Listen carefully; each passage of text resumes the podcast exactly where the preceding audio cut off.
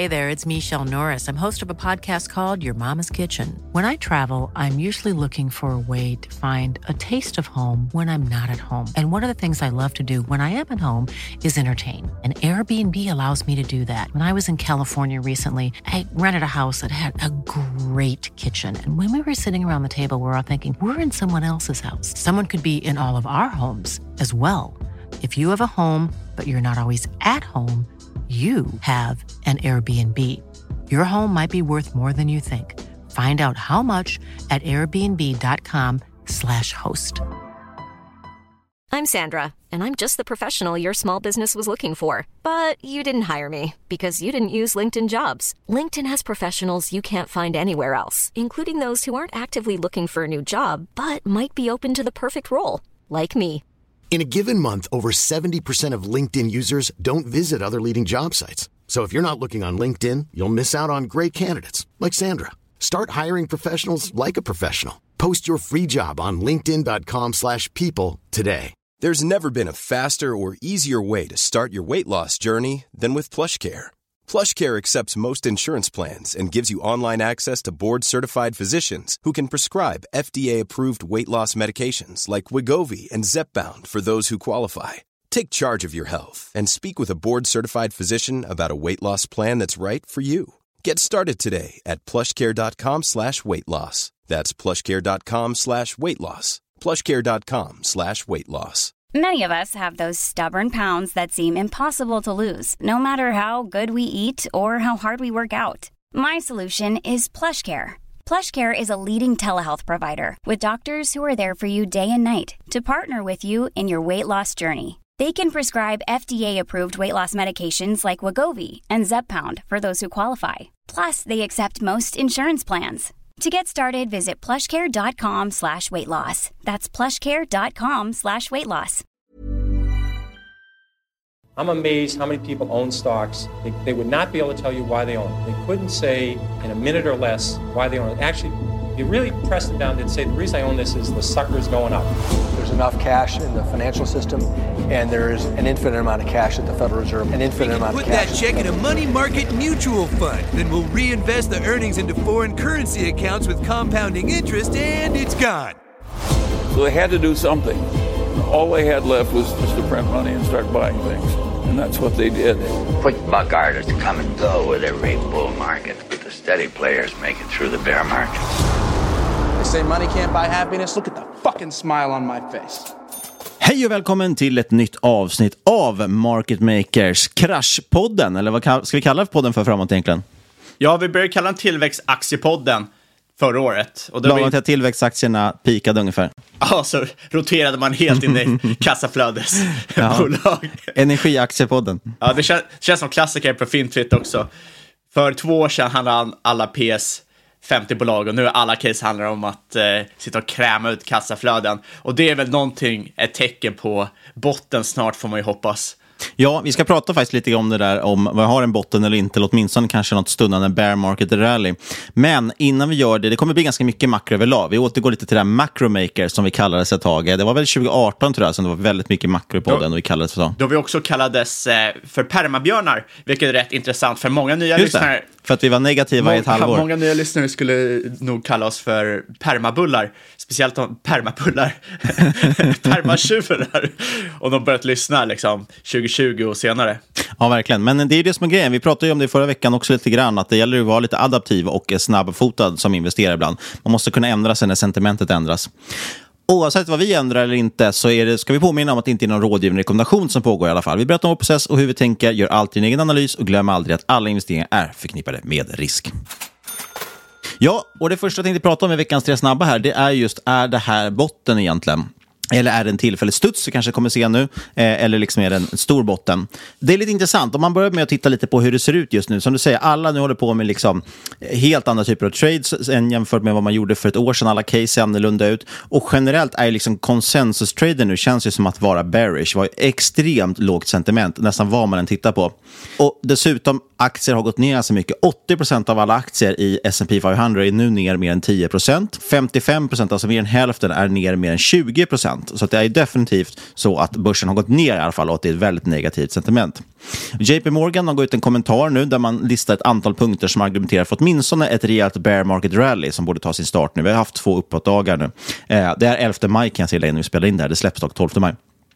Men det första JP Morgan nämner det är att orosmolnen som man diskuterade i Q1, nu är de ett faktum. Det är inte längre en diskussion om, liksom, om vi har inflation eller om vi har krig och så vidare, utan liksom, nu är ju allting här. Vi har ju problemen. De är konkreta nu. Inprisade kan man då argumentera för att de också är. Eh, det andra är just att alla är bearish. Fak bearish. Faktum är att uh, investerare har inte varit så här bearish sedan 2008.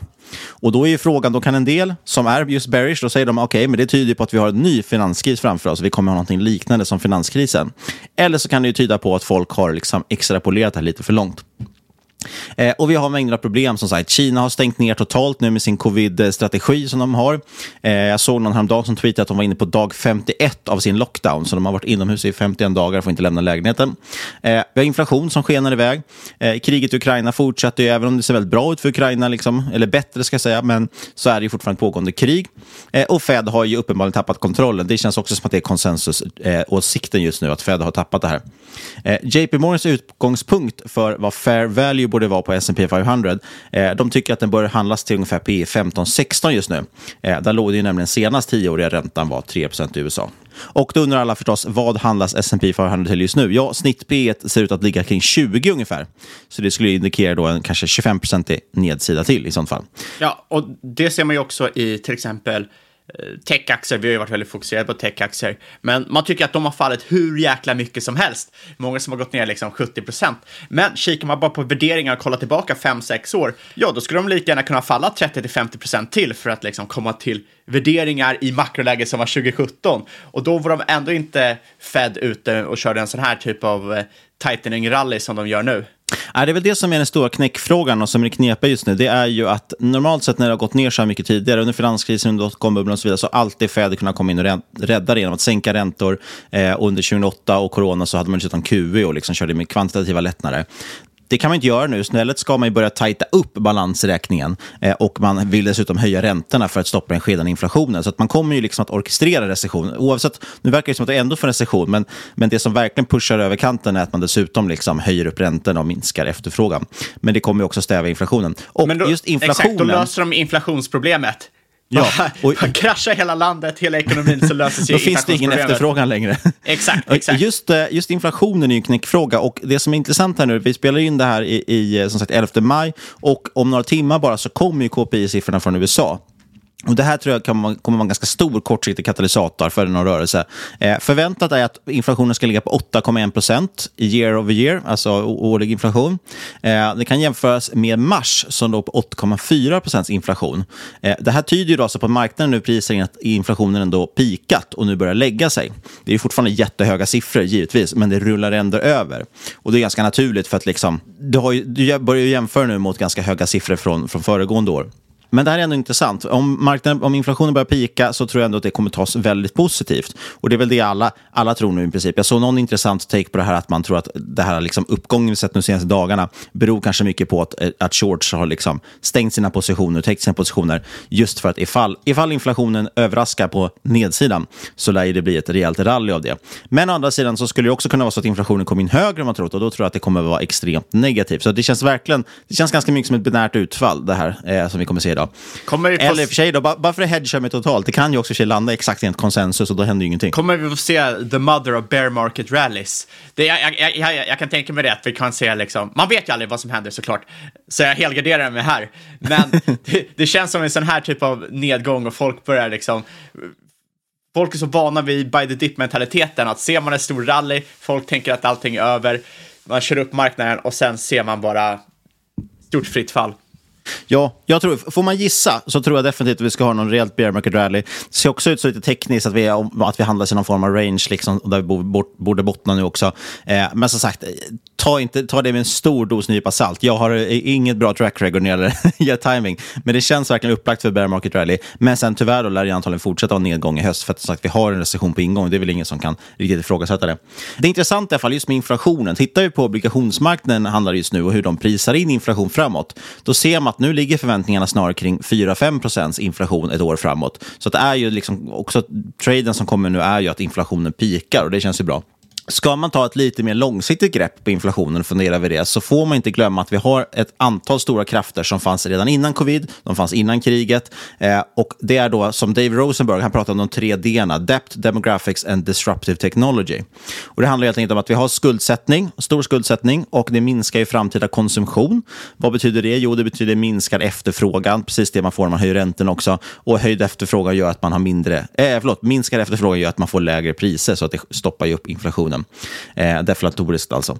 Och sen har vi demografin. Vi har en åldrande befolkning i väst. Eh, USA och resten av väst ligger dock efter, ungefär tio år efter Japan. Och där var att vi också släpar ungefär tio år efter Japan när det gäller inflation och så vidare. Och de har ju jätteproblem med deflation. Och då är ändå USA relativt bra jämfört med Europa. Eller de ligger bra till jämfört med till, till exempel Europa.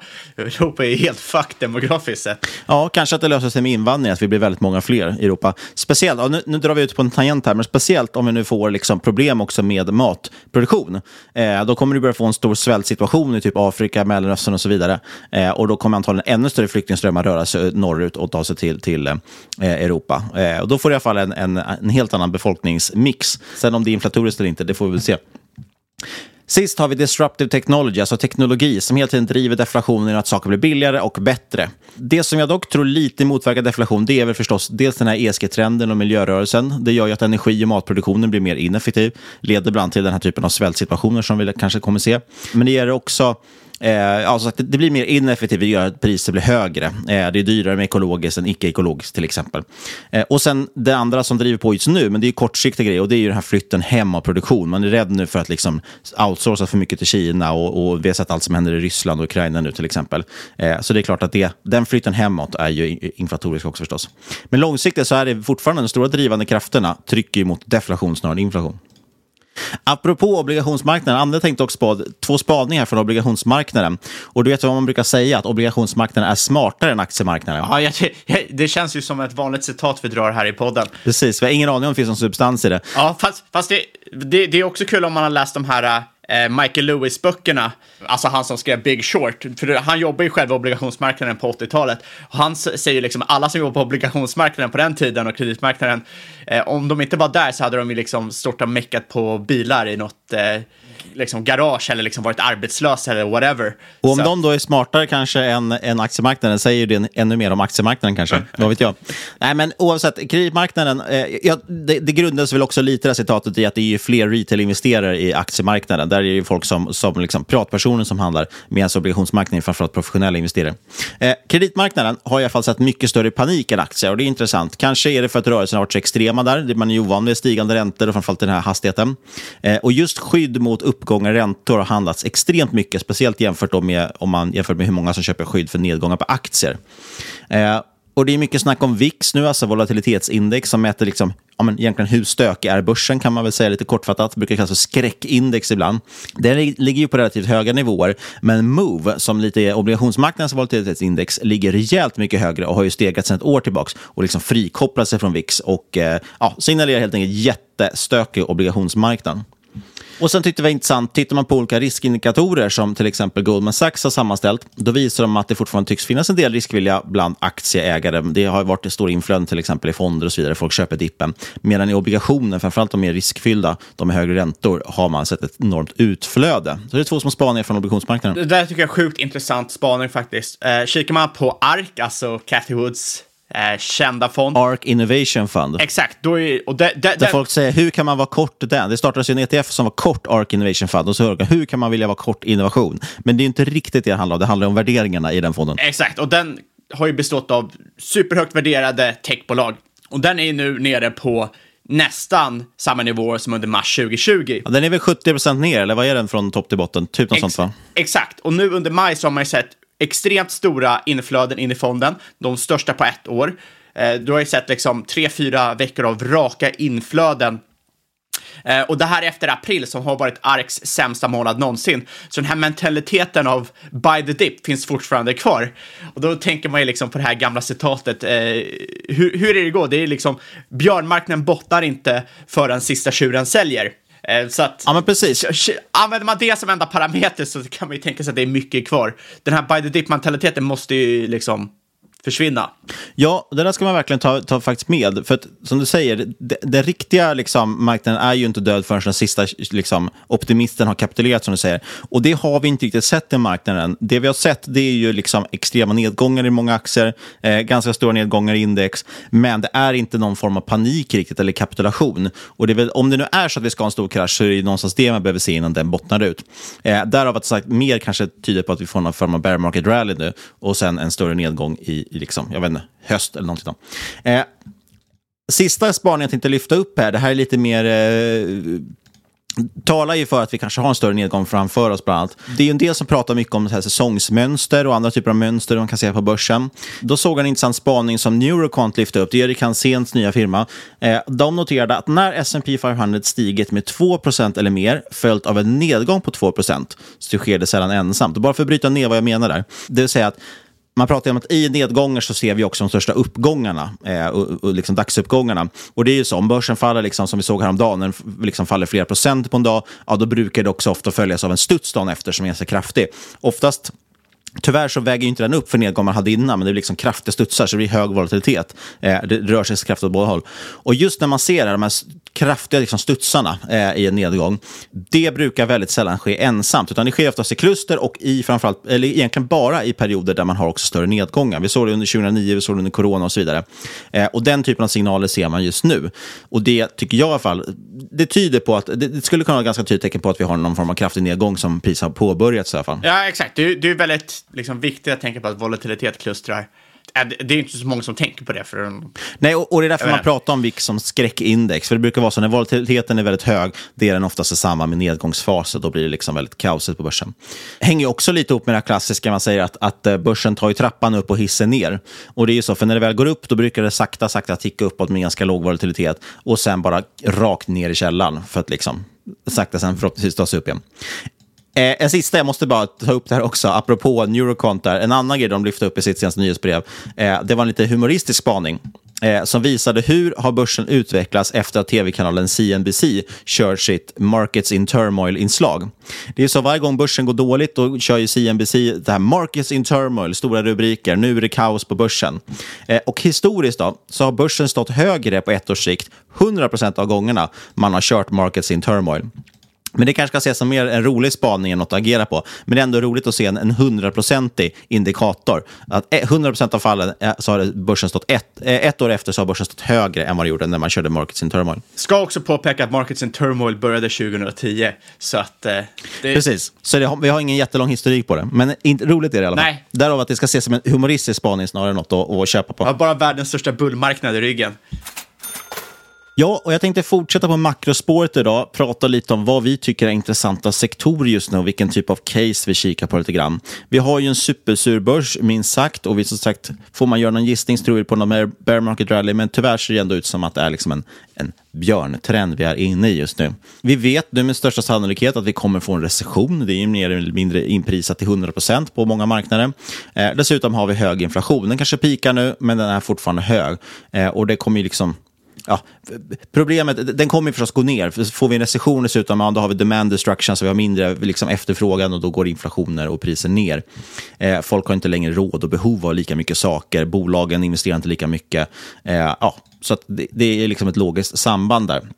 Och Det är precis det Fed vill uppnå genom att höja räntorna, så vill man ju kyla av ekonomin. Eh, Syb bara som sagt att man gör det efter att i, i så många år eldat på. Men Eh, det har ju alla varnat för i, i 10-15 år nu, men eh, ja, det är inte de, på, de på Fed har inte fattat det tydligen. I alla fall, det som är frågan här, då, om nu råvarupriser ska ner till exempel, vad händer då med råvarubolagen vi har pratat om senaste veckan, Fabian? Borde inte det vara bearish för dem?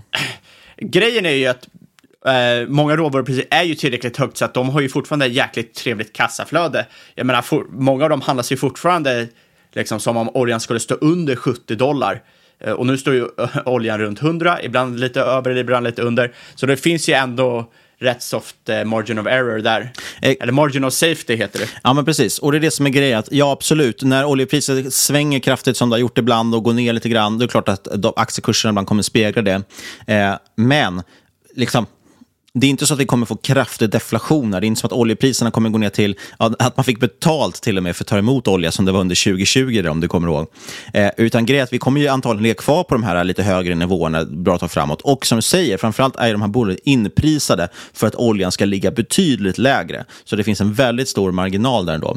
Eh, och kan bara oljan hålla sig på någorlunda de här nivåerna så kan det fortfarande generera väldigt mycket pengar framåt. Och så här ser det ut i ganska många råvarubolag. Eh, däremot betyder det att resan kommer att vara sjukt volatil. Eh, så är det definitivt. Just när oljepriserna svänger så brukar bolags, bolagens aktier också svänga. Absolut, det är ju en väldigt volatil industri. Men man ska också tänka sig här att det är det är inte så mycket demand-side inflation här som det är supply-side. Eh, och med det menar jag liksom att, ja visst, efterfrågan kommer tillbaka efter covid. Det är ju jätteproblematiskt. Men eh, det, det, stö, större, liksom det största problemet för oljan och oljepriserna är ju att det finns ju tillräckligt, alltså helt enkelt inte tillräckligt eh, med utbud. Vi har ju inte borrat olja, vi har inte tagit fram olja, vi har varit väldigt Liksom, vi har legat i vår komfortzon. För tio år sedan borrade vi alldeles för mycket. Vi har suttit och levt på de där lagren, vi har underinvesterat och vi kan inte plocka upp mer olja för den här ökande efterfrågan. Så man måste ta hänsyn till, till, till det också. Eh, och här är ju ESG-trenden som jag var inne på, det här med miljö, miljö liksom tänket, eller miljörörelsen som har varit väldigt, väldigt skadlig för det här. För att man har ju velat ställa om mot, mot elektrifiering och så vidare eh, och förnyelsebart och därmed liksom, ja, men egentligen aktivt motarbetat all form av fossilindustri, vilket gör att då har vi har underinvesterat i det och nu är superberoende av till exempel rysk gas och även kol för den delen. Ja, och det, det där är ju rätt intressant för att man tänker ju liksom, ja, eh Rysk olja har gått offline, men då kan vi bara ta rysk olja någon annanstans. Men det man inte tänker på då är till exempel att du sitter ju inte bara och liksom pumpar in ren crude oil in i din bil eller vad du nu ska använda oljan till. Du måste göra raffina raffinaderier för att liksom, liksom ra raffinera oljan så det faktiskt går att använda som bensin eller vad man nu säger. Precis, all olja är inte skapt likadan. Eh, exakt. Grejen är att det har vi liksom till stor del outsourcat också till till exempel Ryssland. Så att även om vi hittar liksom, kan ta oljan någonstans ifrån så kan vi inte nödvändigtvis raffinera den här oljan heller.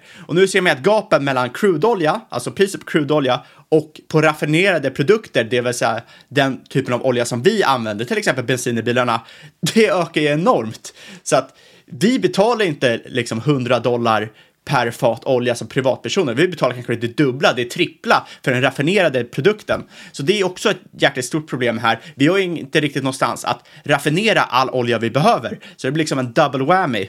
Nej, och istället för bensinbilar så ska vi köra elbilar och då krävs ju massa andra råvaror, bland annat litium. Det här pratade vi om i förra avsnittet, avsnitt 228, bland annat om eh, Anglo Pacific eh, och just det här play på att det finns inte tillräckligt med litium heller. Alltså det saknas generellt väldigt mycket material och resurser för att skapa alla elbatterier som vi behöver också. Så att för att lista lite case som kan vara intressant om man vill gräva vidare i varje liksom spår vi ska gå in på här så tycker jag här för att man kan kika till exempel på Anglo Pacific pratar vi om i avsnitt 228. När det gäller, eh, gäller olja och så vidare så har vi Borr och Valaris. De pratar vi framförallt om i avsnitt 223 med Jörns bullmarknad men även avsnitt 213. Och sen kan man även kika på Journey och Occidental Petroleum som tog upp i avsnitt 225.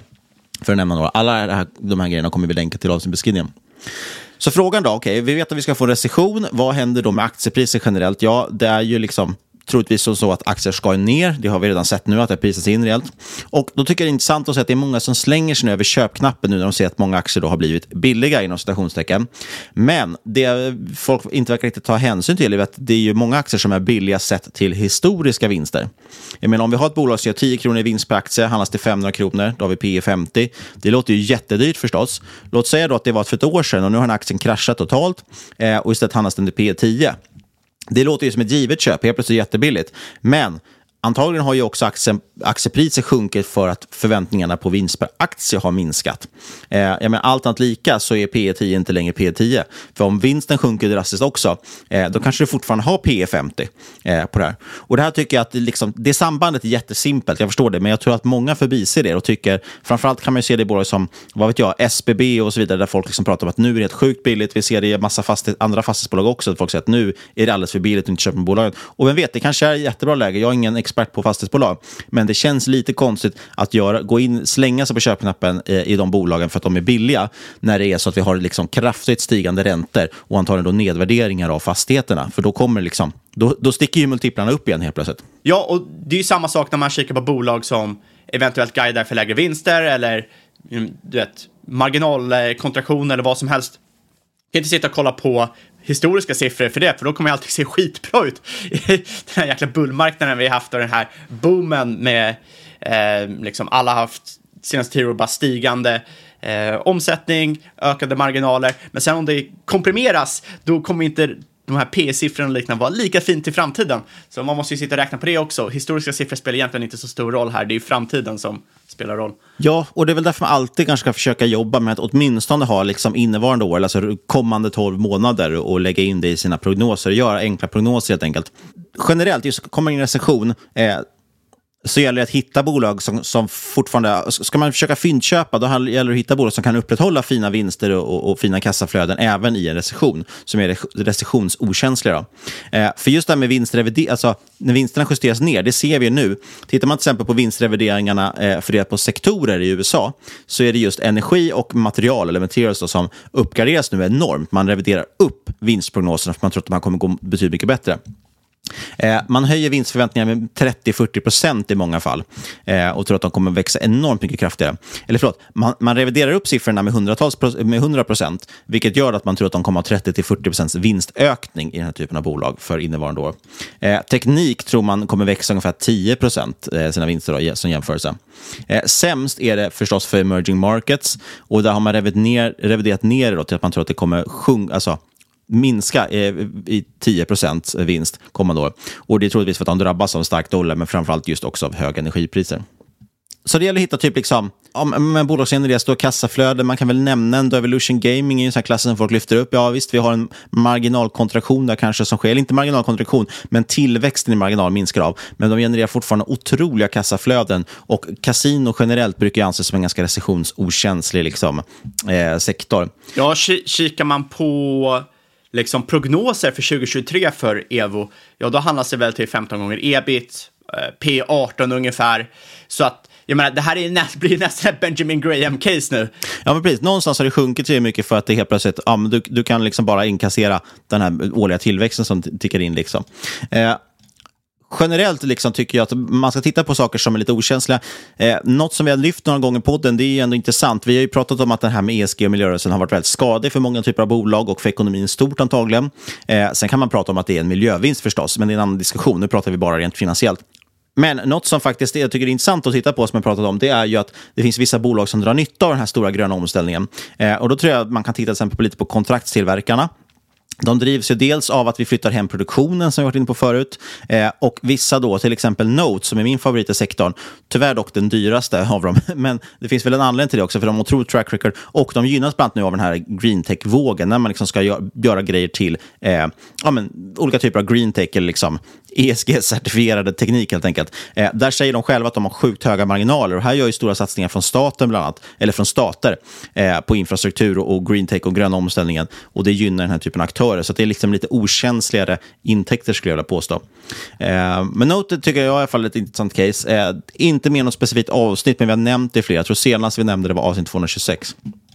Och sen är det ju sagt, vi pratar om energi och så vidare. Där är ju uran också jätteintressant förstås. Vi pratar ju om sprott bland annat i avsnitt 211.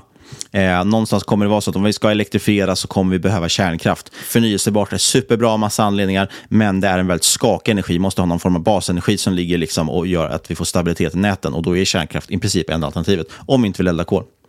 Så råvarubolag, som sagt, som vi pratade om, intressant. Energibolag, eh, liksom recessionsokänsliga saker. Swedish Match hade varit perfekt, men nu blir de uppköpta. Ja, men alltså all, allmänt så ser man ju i så här, inflatoriska miljöer och i liksom, miljöer där det är hög inflation som vi har nu, 8% då är ju energi väldigt förmånligt eftersom det är, och råvarubolag, det står ju emot inflationen väldigt, väldigt bra. Och framförallt så, när du kikar på de här bolagen, de har ju verkligen varit down in the dump senaste tio åren. Ingen har velat ta i dem. Och det, även om de har gått nu 100 eller flera hundra procent så är många av dem otroligt billiga. Jag menar, många sitter ju och handlar till liksom två, tre gånger sitt fria kassaflöde. Och eh, jag kommer inte ihåg vem som säger det just nu, men liksom vid en viss tid, är det Howard Marks eller så här liksom, vid, vid en viss prislapp så är allting egentligen för billigt. Ja, precis. Allting, det finns en prislapp på allting som gör det till ett attraktivt köp. Ja, och liksom kollar du på till exempel eh, Eh, IPCO, alltså International Petroleum, som avknoppning från Lundin, det handlas väl liksom till typ 70% rabatt mot fair value jämfört med vad det egentligen skulle handlas när oljan ligger runt 100. Så att liksom så här, vid någon eh, tidpunkt här, liksom, man, man, man, man, får ju liksom nästan som en helgardering i många av de här kassaflödescasen eh, mot sin liksom, dumhet och mot den kunskapen man kanske inte har. Eh, så jag tycker att det, det, är väldigt intressant att kolla på de här kassaflödesgenererande eh, råvarubolagen. Och som du och jag har pratat om, det kan ju vara svårt att sätta sig in kanske de här bolagen, speciellt om man inte har så mycket erfarenhet i sektorn. Då kan det vara värt att titta på att köpa en korg av dem plocka in lite olika av dem. Hey, a, a, absolut, liksom, jag, det ser jag många göra. De, det är ju liksom hög volatilitet här, hög risk. Då kanske det är mer värt att istället för att köpa in 10 bolag så kanske du plockar in 20-30. Um, ehm. Nej, men så generellt som sagt, om vi backar så är det ju liksom många av de här riktigt kvalitetsbolagen som genererar stora kassaflöden har ju också trillat ner till ganska låga värderingar, alltså de som tidigare var lite dyra, typ Evo och så vidare. Eh, där kan man kort också faktiskt lyfta upp flera av de här liksom FANG-favoriterna. Eh, några av dem är totalhavererat, men om vi fortfarande tittar på Apple och Google och så vidare så är de fortfarande ganska intressanta. Eh, och vi ser nu att, att nu startar liksom det buyback-fönstret, alltså återköpsprogrammen där kommer komma. Eh, man räknar med 4-5 miljarder dollar i återköp varje dag nästa kom, nästkommande sex veckor. Och Det är ganska intressant för att Fed som sagt plockar ju undan sina köp från marknaden. Men nu kommer bolagen in och köper tillbaka sina egna aktier. kan också vara ett intressant ställe att, att liksom parkera lite pengar i sånt fall. Eh, för de, börjar bli, de är ganska billiga, många av de där bolagen nu. Eh, och ja, nu står ju dollarn över 10 spänn, men vet den kanske kommer ner igen. Men eh, dollarn har ju varit betydligt kraft, eh, liksom, mer intressant att äga än svenska kronan. Sen är det kanske lite udda play som jag tror kan vara intressant. Det är att titta på de här lite eh, Ja, men lite för självklara casen. Konsultbolag tycker jag till exempel är lite intressant. Och Det kan verka lite konstigt, för de kommer ju förstås drabbas av en recession. Absolut. Men många av de här hetaste konsultbolagen, framförallt it-konsulterna och så vidare, har ju faktiskt långt över 100% beläggning idag. Eh, de tackar ju nej till jobb för att de inte har tillräckligt med folk. För det går inte, går inte att få tag på tillräckligt med människor helt enkelt att anställa. Eh, och Det där tror jag är lite intressant. Det gör ju att de typen av bolagen helt plötsligt blir lite nedprioriterade och lite billigare. Eh, men de kommer antagligen visa fortfarande ganska bra resultat. Och i och med inflationen och, och att man haft så mycket jobb under 2021 så har man nu kunnat höja priserna in i 2022. Så jag, tror att, jag skulle inte förvåna mig om det är många bolag där som kommer överraska på uppsidan eh, på kort sikt, alltså vi pratar 6-12 månaders sikt eller någonting, just för att folk har så, börjar få väldigt låga förväntningar för dem. Eh, men de har fortfarande en bra grundförutsättning, så även en nedgång gör att de skulle kunna ligga kvar på ungefär samma beläggningsnivåer. Och där finns det lite olika case. B3 pratar vi om i podden, avsnitt 222. Den har ju gått väldigt starkt sedan dess. Vill man mer mot ekonomi så är väl Ogunsen, alltså gamla SJR, intressant. Och E-work såg jag lämna en pangrapport häromveckan. Sen ett sista lite intressant ställe att eh, kanske parkera lite pengar på om man vill vara lite mer på säkra sidan eventuellt. Det är dumt att säga att det finns säkra pengar, eh, men det låter i alla fall ganska säkert och det är att titta på bolag som har bud på sig. Eh, och varför skulle man göra det? Ja, normalt sett när det läggs bud på ett bolag, då brukar ju aktien handlas upp till någon procent under budnivån. Eh, och hur stor den här procenten är, det brukar ju spegla liksom hur osäkert det är att dealen går igenom. Men oftast handlar det bara om att det är någon procent eller två. Det brukar inte finnas några stora pengar att tjäna där. Exakt, det handlar ju liksom om att fånga då spreaden mellan där aktien ligger nu och där förvärvskursen kommer ligga. Precis. Och det där brukar ju vara ganska dålig affär egentligen om man inte har väldigt gott tålamod och har väldigt stor tilltro. För att problemet är att normalt Eller sett... stor, eh, stor eh, mycket pengar, stor portfölj att lägga in. Ja, men, men framförallt så är det också ett väldigt riskfyllt bett. Det brukar inte vara värt det. För att visst, du kanske kan tjäna 1-2 procent däremellan, men om buret skulle falla igenom och inte bli av, ja då har du antagligen 20 procent nedsida eller hur stor premien nu var. Då brukar ju aktien falla ner till de nivåer den var innan. Så det där kan ju bli ett enormt fall, det blir väldigt, väldigt dyrt. Så det där brukar inte vara så intressant, men i och med nu att vi har haft de här stora nedgångarna och det blivit ett systematiskt sälj, alltså folk säljer ju allting eh, rent systematiskt liksom, och, och, tänker inte på vad de säljer och räknar inte på vad de säljer, så har det dykt upp några sådana här arbitrage eller spreadar som har blivit liksom enormt stora och ganska intressanta. Eh, ett litet lightfall kanske av det som inte är liksom klockrent, men det var ju Swedish Match som häromdagen kom det liksom rykten om uppköp eh, och idag nu den 11 maj kom ju liksom specifika budkursen och då stack den upp 10% till. Där fanns det liksom en, en spread, men den var inte lika etablerad. Några ställen däremot där det finns väldigt tydligt som du kan räkna på, det är ju till exempel Activision Blizzard. Där la ju Microsoft ett bud på, det pratar vi avsnitt 216, eh, det här budet. Eh, budnivån är på 95 dollar, men dagens kurs på Activision Blizzard är nere på 77 dollar. Det är ju nästan 20% spread mellan budkursen och liksom dagens kurs. Och det här budet har ju Activision Blizzards aktieägare redan röstat igenom att det är OK. Eh, jag vet inte om man har fått 100% svar från Konkurrensverket och så vidare att det är okej, okay, men det lär gå igenom. Där är det ju bara antalet att man har sålt ner Activision Blizzard väldigt, väldigt kraftigt. Microsoft har ju nog med mer än pengar eh, för att genomföra köpet. Så den tycker jag är jätteintressant. 20 liksom spread som, som känns... Jag, jag, vågar inte ta ord som riskfri munnen, men det känns liksom som att det, det, det, är väldigt, det borde vara ganska låg risk i det. En annan sån, det var ju Synga. Det pratade vi också om i avsnitt 216. Eh, där var det ju eh, Take-Two som la bud på dem. Där la man ett bud på närmare 10 dollar och dagens kurs är 7,5 ungefär. Det är 23 procent i alla fall spread mellan budnivån och dagens kurs. Eh, båda de tycker jag känns jätteintressanta. Det är liksom inom spelsektorn, det känns som det är bolag man har koll på. Eh, jag tror att de där dealarna kommer gå igenom. Extremt intressant. Det, det, det är exakt det som hände med Swedish Match som du sa, eh, fast det här är på lite, lite längre tidsram än bara en dag. Så att eh, speciellt i sådana här tider så är det ju sådana här liksom lite mer special seats eller special events. Eh, Rätt intressant att ta hänsyn till i portföljen. Ja, och jag kan nämna två till som jag har räknat tittat fram här. Eh, som jag dock där känner inte att jag har stenkoll på hur dealarna är strukturerade och bolagen bakom varken budet eller som köps upp. Men jag kan nämna dem då om man vill gräva vidare. Och det är ett bolag som heter Teneco, eh, ticker TN. Eh, de handlas 22 procent under sin budnivå. Och sen har vi även Black Knight, ticker BKI, som handlas 18 procent under sin budnivå. De kan man också kika in om man tycker det är intressant med den här typen av case. Så det finns grejer där ute att kika på. Eh, generellt så känns det som att som sagt, vi tror på någon form av bear market rally, men vi, ska inte liksom, vi lägger sällan särskilt stor vikt vid, vid timing, eh, timing på det sättet. Men sagt, det finns alltid saker där ute att leta efter, även om börsen känns eh, sur. Ja, ja, för fan. Ja, det finns supermycket grönt där ute. Eller inte så grönt i din portfölj, det är väl svart snarare. Och antigrönt. Nej, exakt. Du, men det är det, och vi försöker ju bara hamra in där. Det finns alltid någonstans att leta eh, efter saker som går upp och framförallt efter intressanta case. Och bara för att det eventuellt kommer gå ner mer betyder inte att det är ett ointressant case. Det gör bara caset ännu bättre. Ja, och som sagt, det är intressant just att se vad som händer. Man får till exempel ett systematiskt det säljs allting, till och med där man har liksom garanterat att du kommer få ut 95 spänn om du äger Activision Blizzard och ändå säljs den ner 20% Det är ändå intressant att sådana saker uppstår. Det, det, enda som är ointressant i sådana här miljö är ju liksom högvärderade bolag som faller jättemycket men fortfarande högvärderade givet ränteklimatet. Uh, så jag tror att allt fler måste liksom kika på räntan. Är det här faktiskt billigt eller är det fortfarande dyrt givet vårt makroläge och ekonomi, liksom, ekonomin? Äh, för, för att inte gå på fler minor. Men bortser man från det finns det extremt många liksom, bolag som genererar kassaflöden i sån här tid. Du vill ha kassaflöden, du vill ha utdelning och återköp och så vidare.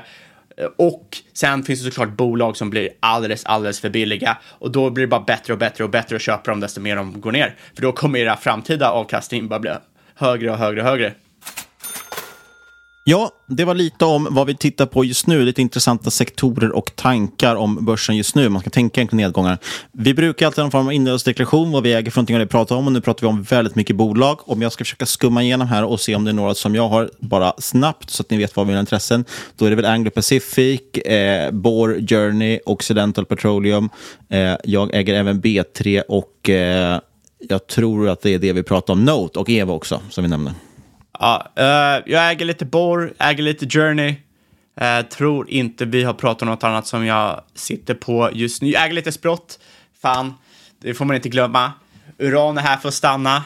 Tummarna upp. Men vi ska också påminna om att det inte är någon rekommendation som du har i den här podcasten. Alla åsikter var rena och gäst och eventuella sponsorer tar inte ansvar för det som sägs i podden. Tänk på att alla investeringar är förknippade med risk och sker under eget ansvar.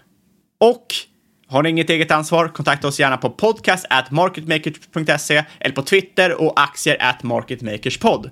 Och sist men absolut inte minst, stort tack för att du har lyssnat kära lyssnare. Vi hörs igen om en vecka.